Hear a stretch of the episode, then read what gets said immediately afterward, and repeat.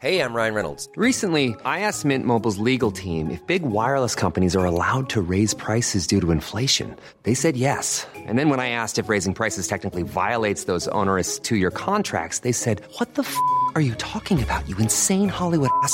F- So to recap, we're cutting the price of Mint Unlimited from $30 a month to just $15 a month. Give it a try at mintmobile.com slash switch. $45 upfront for three months plus taxes and fees. Promo rate for new customers for limited time. Unlimited more than 40 gigabytes per month. Slows. Full terms at mintmobile.com. There's never been a faster or easier way to start your weight loss journey than with PlushCare. PlushCare accepts most insurance plans and gives you online access to board-certified physicians who can prescribe FDA-approved weight loss medications like Wigovi and Zepbound for those who qualify. Take charge of your health and speak with a board-certified physician about a weight loss plan that's right for you. Get started today at plushcare.com slash weight loss. That's plushcare.com slash weight loss. plushcare.com slash weight loss.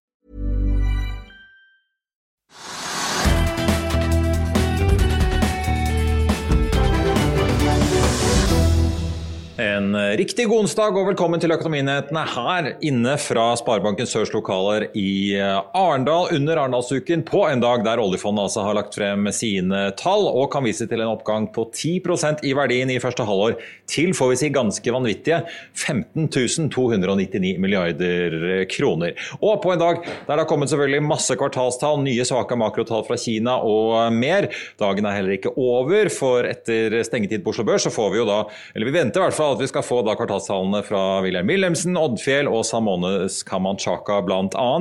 I eh, denne sendingen skal vi varme opp litt til morgendagens rentemøte i Norges Bank når vi får besøk av Nordea Norge-sjef Randi Mariama.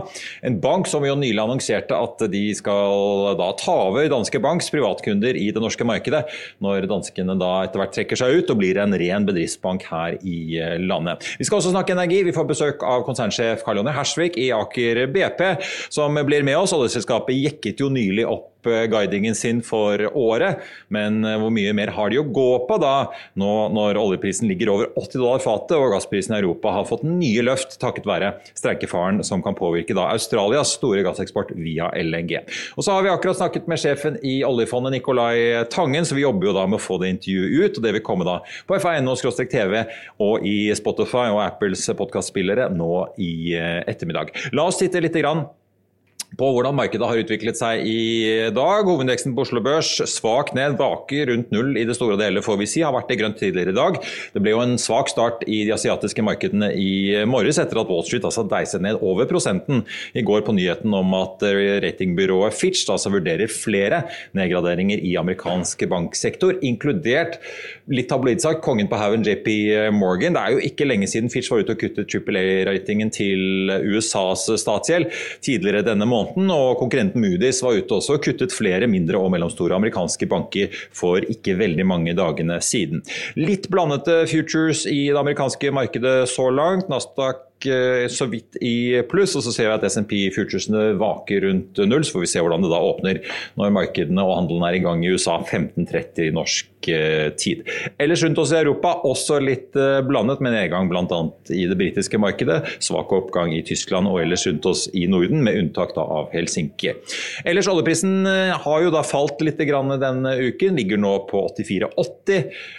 Og VTI, den amerikanske lettoljen, ligger og snuser nå nede på 80-tallet. ligger på 80-86 i spotmarkedet i skrivende stund. Gassprisen her i Europa også noe ned, men vi har jo da sett den over 40-tallet tidligere i dag. Var på 41 og noen eurosent. Nå ligger vi på en 39, etter at det da igjen kom meldinger om at det ikke hadde blitt noen enighet mellom fagforeningen og operatørene på disse gassanleggene i Australia.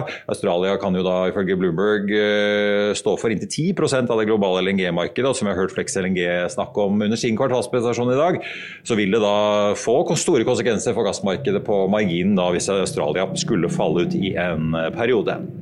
Før vi kjører videre, så vil jeg bare minne om at du ikke bare kan se, men også høre denne sendingen ved å søke opp Økonominyhetene på Spotify, Apple eller der du hører på podkast. Og vi er straks tilbake med dagens første gjest rett etter dette. Vil du bli oppdatert på det viktigste som har skjedd innen finans og næringsliv? Da er det bare å følge med, for hver morgen er jeg, Marius Lorentzen og aksjekommentator Karl Johan Malnes på plass i studio for å ta tempen på dagens marked i Børsmorgen. Og hver ettermiddag oppsummerer vi alt du trenger å vite i økonominyhetene, og det blir selvfølgelig masse interessante gjester. Klikk deg inn på fa.no-tv, eller søk opp Børsmorgen og Økonominyhetene der du hører på podkast. I'll see you in court. Vi sier det ofte litt på spøk, men for deg som driver business, er det aldri moro å innse at du ikke har laget en 100% gyldig kontrakt. Du bør ikke risikere hele firmaet ditt fordi du synes dette med kontrakter er litt stress. En avtale er ikke en avtale. Du kan miste kunder, miste venner, ja, til og med miste inntekter om du ikke lager en skikkelig kontrakt, på alt mulig, egentlig. Men vi vet det er et styr. Kopimaskiner, tregprinter og haugevis av papir. Dessuten stoler vi jo på folk her i landet. Det er ofte litt kleint å skulle be om en signatur for alt mulig, ja, for mye av styret handler også om jakten på underskriften. Det finnes en enkel måte å løse dette på, Dukkobit, en trygg, effektiv og get this, gratis måte å sikre seg en god natts søvn pluss en juridisk bindende avtale. Dukkobit-appen har de strengeste sikkerhetskrav i bunn, samt en EU-godkjent og sertifisert teknologi.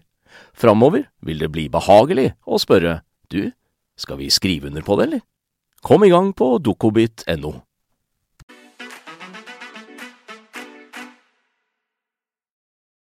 Da er vi på plass med en av de mange som uh, tror jeg i hvert fall er veldig spent før uh, morgendagens rentemøte i Norges Bank. Randi Marham er leder for privatmarkedet og norgessjef i Nordea.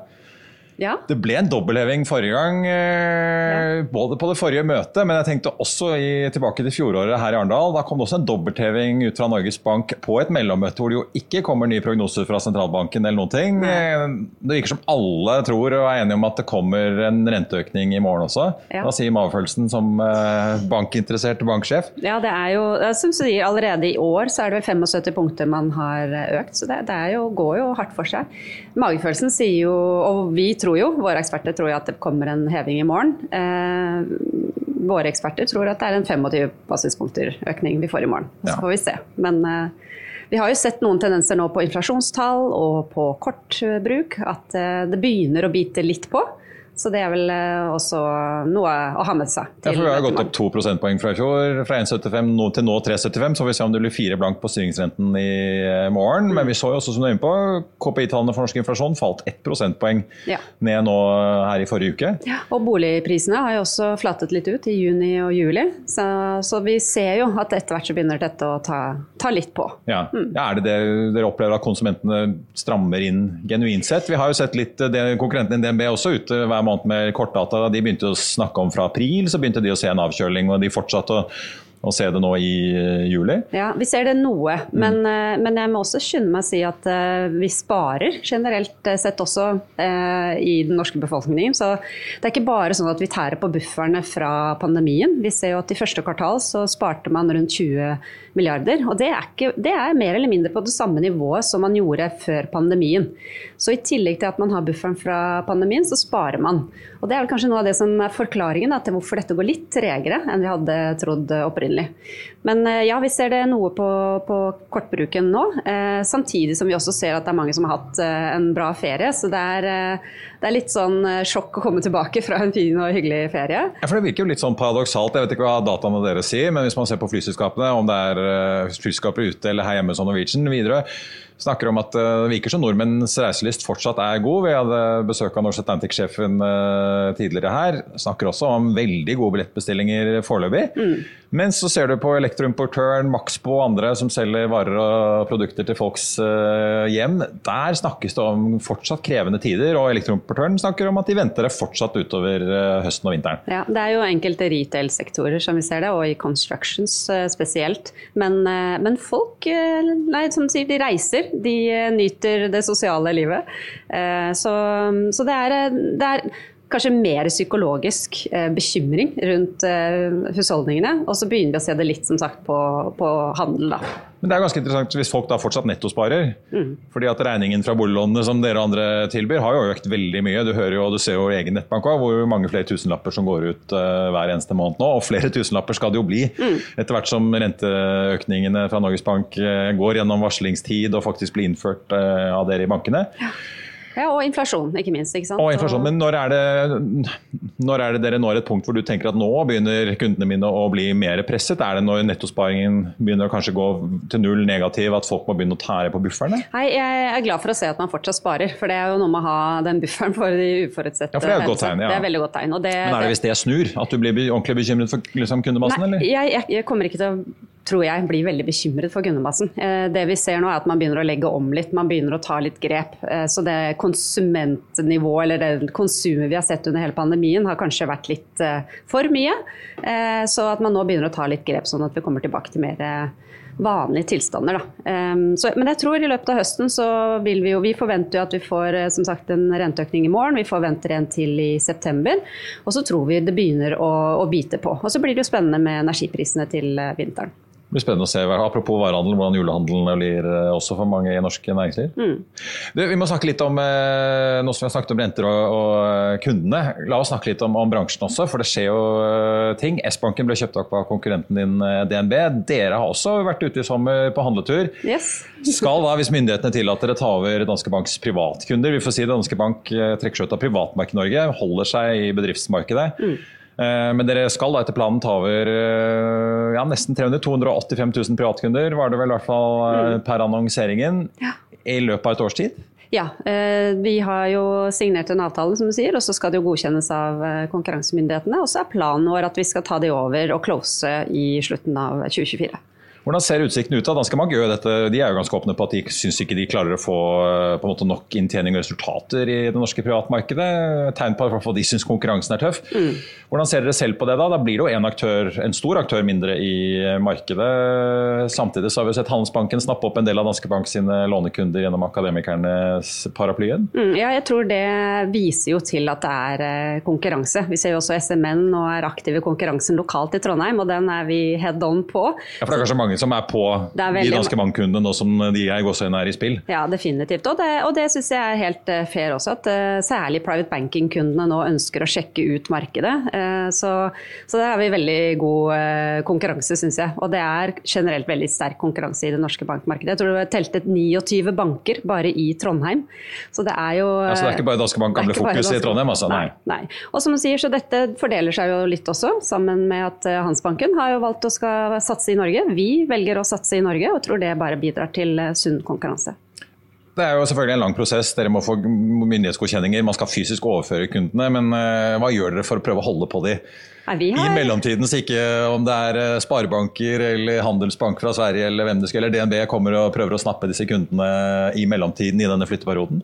Det tenker jeg er bare igjen eh, fair konkurranse, og vi skal være like skarpe der som vi har vært til nå. Nå har vi jo vokst organisk de siste årene, så det betyr jo at vi har noe å gjøre noe riktig. Vi, får, vi har vokst på kundetilfredshet og, og, har som sagt vokst eh, også organisk. Så vi har kunder som velger å komme til oss, og, og den konkurransen skal vi bare fortsette med jeg tenker ellers Nå har det jo vært en periode som har vært veldig god for bankene, for rentene har økt. Eh, dere har jo da fått økte netto renteinntekter, stort sett de fleste av dere. Og det er jo ikke bare i Norge, det er jo et globalt eh, fenomen. Mm.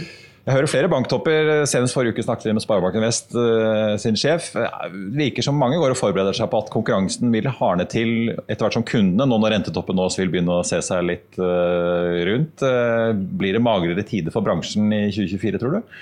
Ja, Det er vanskelig å spekulere, men at det, det, blir en tøffere konkurranse, det tror vi også på. Og det er jo noe med at nå merkes det ordentlig i lommeboken, som du sier, på rentene. Og man er også interessert i disse attraktive tilbudene du kan få på innskudd med risikofri eh, sparing. Så, så, der opplever vi definitivt at det blir konkurranse. Og så tror jeg generelt sett at det er bra at bankene har eh, en god buffer, for vi går litt inn i en en litt mer urolig tid. Eh, som vi snakket om, retail-sektoren, construction. Så det, så det, å være et bank som har, eller ha et eh, banksamfunn som er solide, det trenger jo man for, for næringslivet generelt. Så ja, det blir spennende. Vi er veldig klare. Randi Marama i Nordea, tusen takk for at du var med oss. Og Så får vi følge med hvordan eh, oppkjøpet av Danske Bank eh, går. Nå skal vi snakke energi, og vi har fått med oss eh, en av de ikke bare sentrale aktørene her i Arendal, men sentrale aktører på norsk sokkel. Karl Johan Hersvik, konsernsjef i Aker BP. Jeg tenkte kanskje vi skulle begynne litt med hvordan det går inne i butikken, som jeg vet veldig mange statsledere og byråkrater nedover Europa følger med på, nemlig hvor mye dere og de andre aktørene på norsk sokkel produserer, og hva dere kan produsere. Johan Sverdrup-feltet, som dere er medeier av, går, virker som det går så det griner. Den store nye giganten på norsk eh, sokkel førte til altså Det virker som det produserer så mye at uh, dere kan øke guidingen deres, som dere gjorde i sommer? Ja, vi har hatt eh, bak oss eh, flere kvartaler faktisk med rekordresultater. Eh, og det er, veldig, det er veldig positivt. Eh, så Johan Sverdrup ja, produserer veldig bra. Helt oppe på det nye platået på rundt en 2020 eller et eller annet i den duren der. Eh, men i tillegg så har vi jo veldig gode resultater i vår egne butikk. Eh, så vi har jo rapportert nå eh, en gjennomgående produksjonseffektivitet hittil i år på ca. 95% og ligger godt over det som var guidinga tidligere.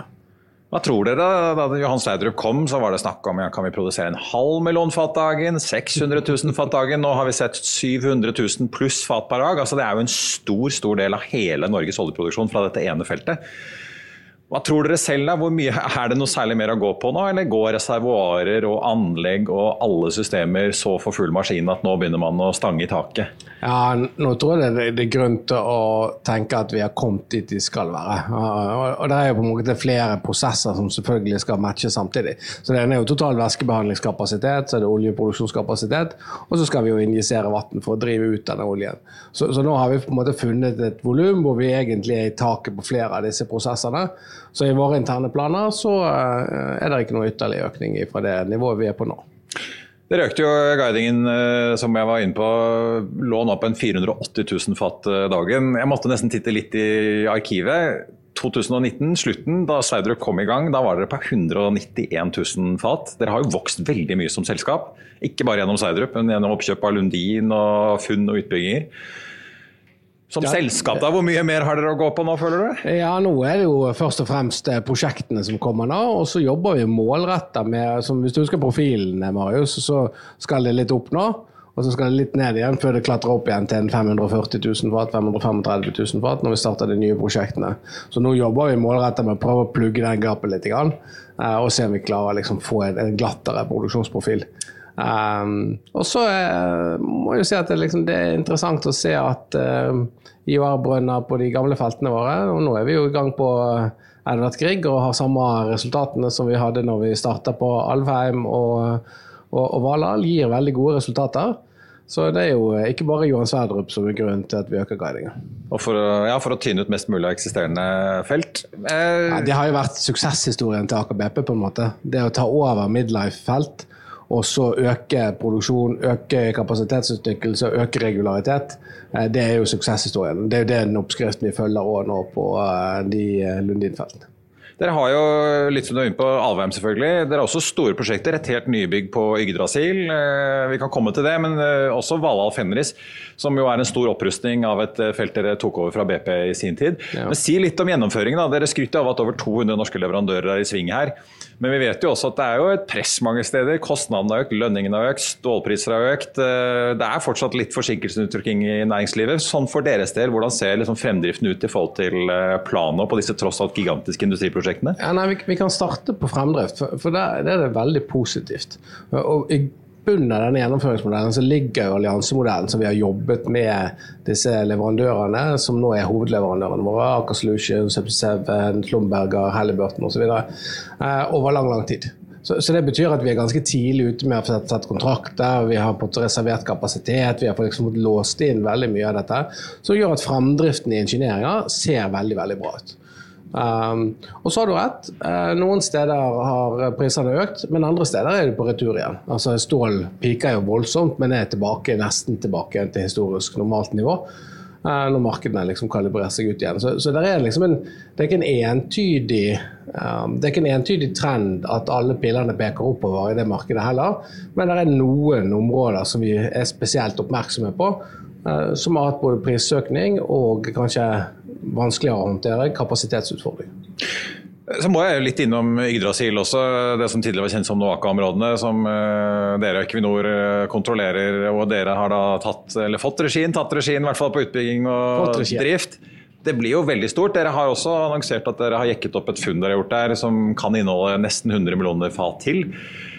Uh, blir dette en stor ny hub for dere, da, som bare virker ja, å vokse? Ja, altså, når vi annonserte PUD-en på Yggdrasil, så sa vi jo det at dette var, et, eh, et, dette var et, eh, et, felt som var tilrettelagt for tie-in.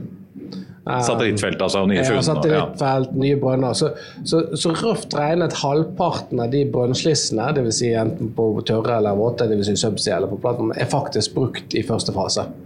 Så, så vi hadde faktisk forventa at vi skulle gjøre denne typen funn. Så for oss er det ikke en overraskelse at vi gjør nå funn på Østfrik. Snarere tvert imot. Ja, for Lettavdelingen er trygge på at uh, ikke bare dette, men de kan finne mer her i området? Ja, vi, uh, vi skal bore en brønn til uh, i år, så vi er på gang fortsatt. Så, så, det, så, sånn sett så var dette området designa nettopp for dette. Og så gjør vi nå et tidligfaseprosjekt med høyt, høyt tempo for å se om vi kan på fastrekke den utviklinga og få den som en forlengelse av den eksisterende utviklinga, og ikke måtte starte opp et nytt prosjekt. Og så har vi gjort et annet grep som gjør at denne, denne typen funn er viktig for oss, nemlig standardisering. Alle bunnrammer er like, alle juletrær er like osv. Ergo så har vi stor evne til å flytte rundt utstyr på feltet der det måtte passe seg optimalt.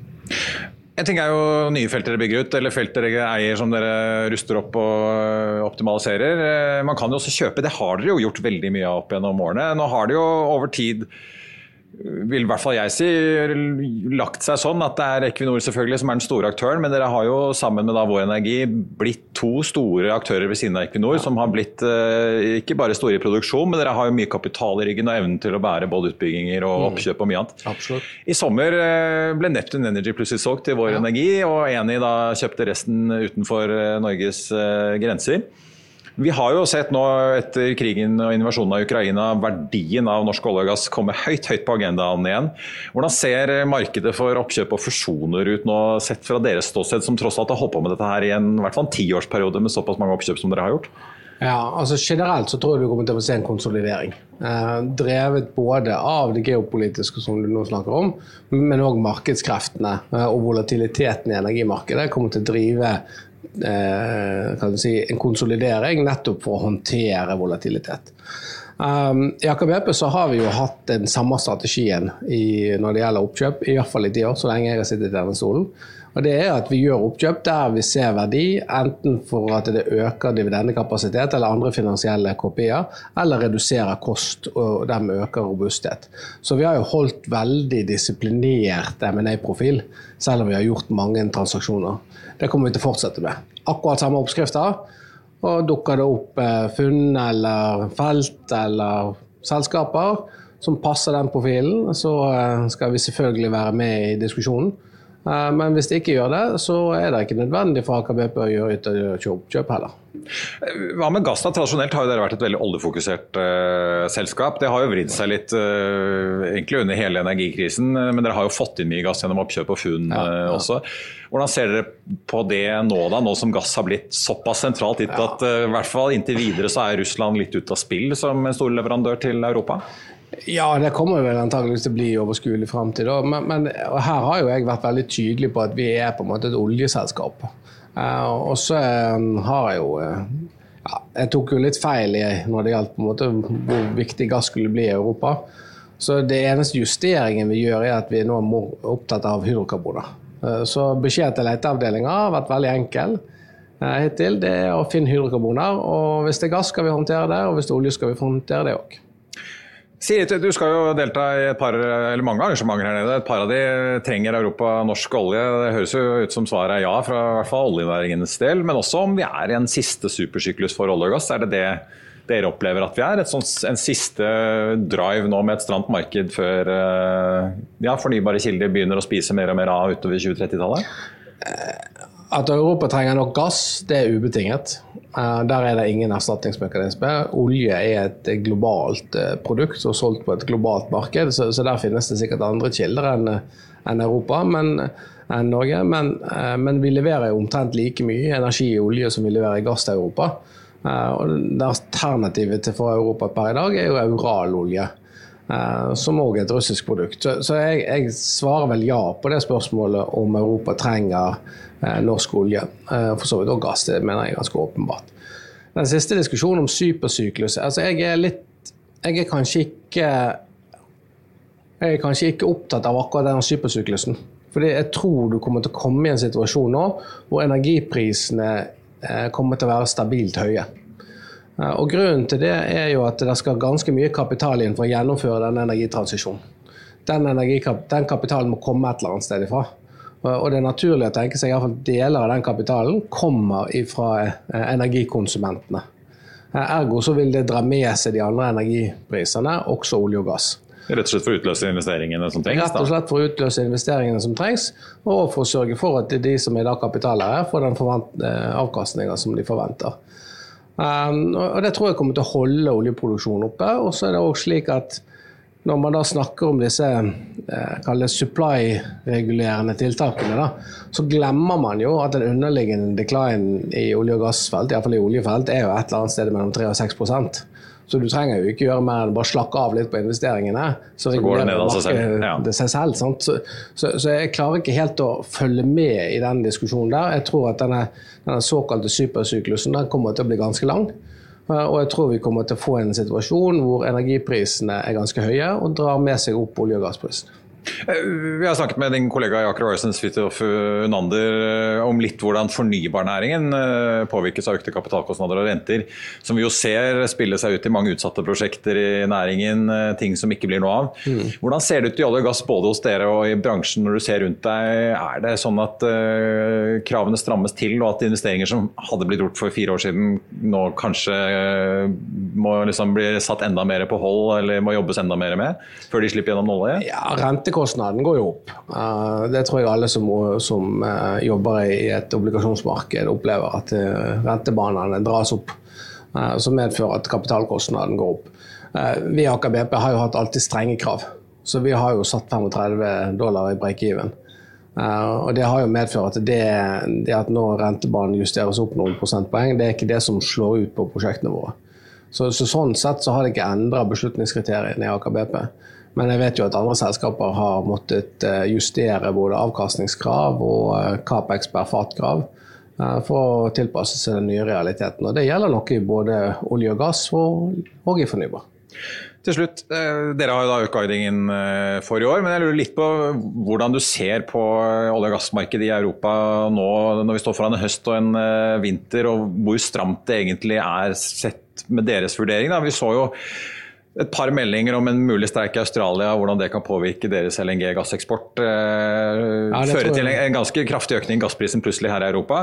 Er det veldig stramt når man ser under overflaten og utover høsten og vinteren? Nei, altså her er, og igjen så tok jeg jo fundamentalt feil for et år siden. For jeg var jo blant de som sa at det var ikke vinteren 22-23 eh, som ble vanskelig, men 23-24. Men nå er jo eh, Nå er vi snart her, ja. Ja, for det første er vi her, og for det andre så er jo lagrene smekkfulle. Men konsumet har jo gått ned. Vi har hatt en, en, måte, en rolig sommer og en mild vinter.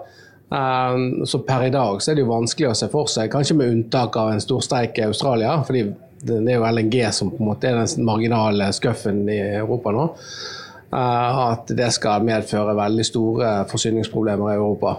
Og så kan du si at okay, For noen år siden så var normalprisen 6-8 dollar per million BTU, nå er den 11-12. Så så prisen har jo doblet seg? Ja, så markedene er i balanse rent sånn konsummessig, og så har prisene doblet seg. Det er vel en short story, og det tror jeg kommer til å se gjennom vinteren. Karl Johan Aursek, konsernsjef i Aker BP, takk for at du var med oss. Takk skal du ha. På tapen av sendingen tenkte jeg bare å få nevnt at vi har jo sett en god del utslag blant selskapene som har sluppet eh, kvartalstall eh, allerede, eller som skal eh, gjøre det. Will Wilhelmsen som kom med sine tall, opp 3,6 da i forkant på en litt svak Oslo Børs i dag. Link Mobility stiger over 5% på sin kvartalsrapport. EAM Solar er ned nesten 9% 8,88 Elektroimportøren sliter også etter sine tall. De peker jo på og forventer et svakt marked også fremover, idet da konsumentene antageligvis strammer til videre. 2020 Bulkers, også en av taperne blant de som har kommet med kvartalstall i dag. Der er jo resultatene lavere enn på samme tid i fjor. Aksjen er ned litt over 5 eh, nå. Og så får vi jo da nevne at det er eh, Link Mobility som er den aksjen som eh, ligger godt oppe på omsetningslisten over børsens mest omsatte, så åpenbart stor interesse for teknologiselskapet der, altså. I Finansavisen i morgen så kan du lese Trygve Egnars leder om den nye landbruks- og matministeren Geir Pollestad, og hvordan presset allerede bygger seg opp på han fra da får vi si egne rekker, nesten. Det blir også mer om kvartalstallene som har kommet da fra Flex LNG og andre selskaper i dag. Du kan lese om hvorfor Carnegie tror på et comeback for treningssenterkjeden Sats. Og så blir det børsintervju med Nordea-strateg Joakim Bernhardsen, som har sansen for fremvoksende økonomier igjen. Og Det var vår sending på denne onsdag 16. august. Tusen takk for at du så eller hørte på. Vi er tilbake igjen senere i ettermiddag, altså med lederen av oljefondet Nicolai Tangen. og Den episoden finner du da som alltid på fa.no-tv eller ved å søke opp eh, eller søk opp da Økonominyhetene som podkast hos Apple eller Spotify. Det blir mer fra Arendal her i morgen tidlig. Vi er i gang da fra 08.55 med Børsmorgen. I mellomtiden så får du som alltid siste nytt på FA.no. Mitt navn er Marit Thorensen. Tusen takk for at du så eller hørte på, og så håper jeg vi ses igjen senere i ettermiddag.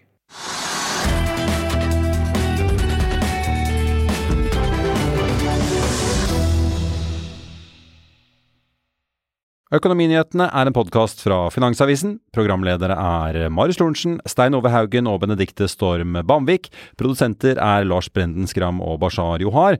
Og ansvarlig redaktør er Trygve Hegnar.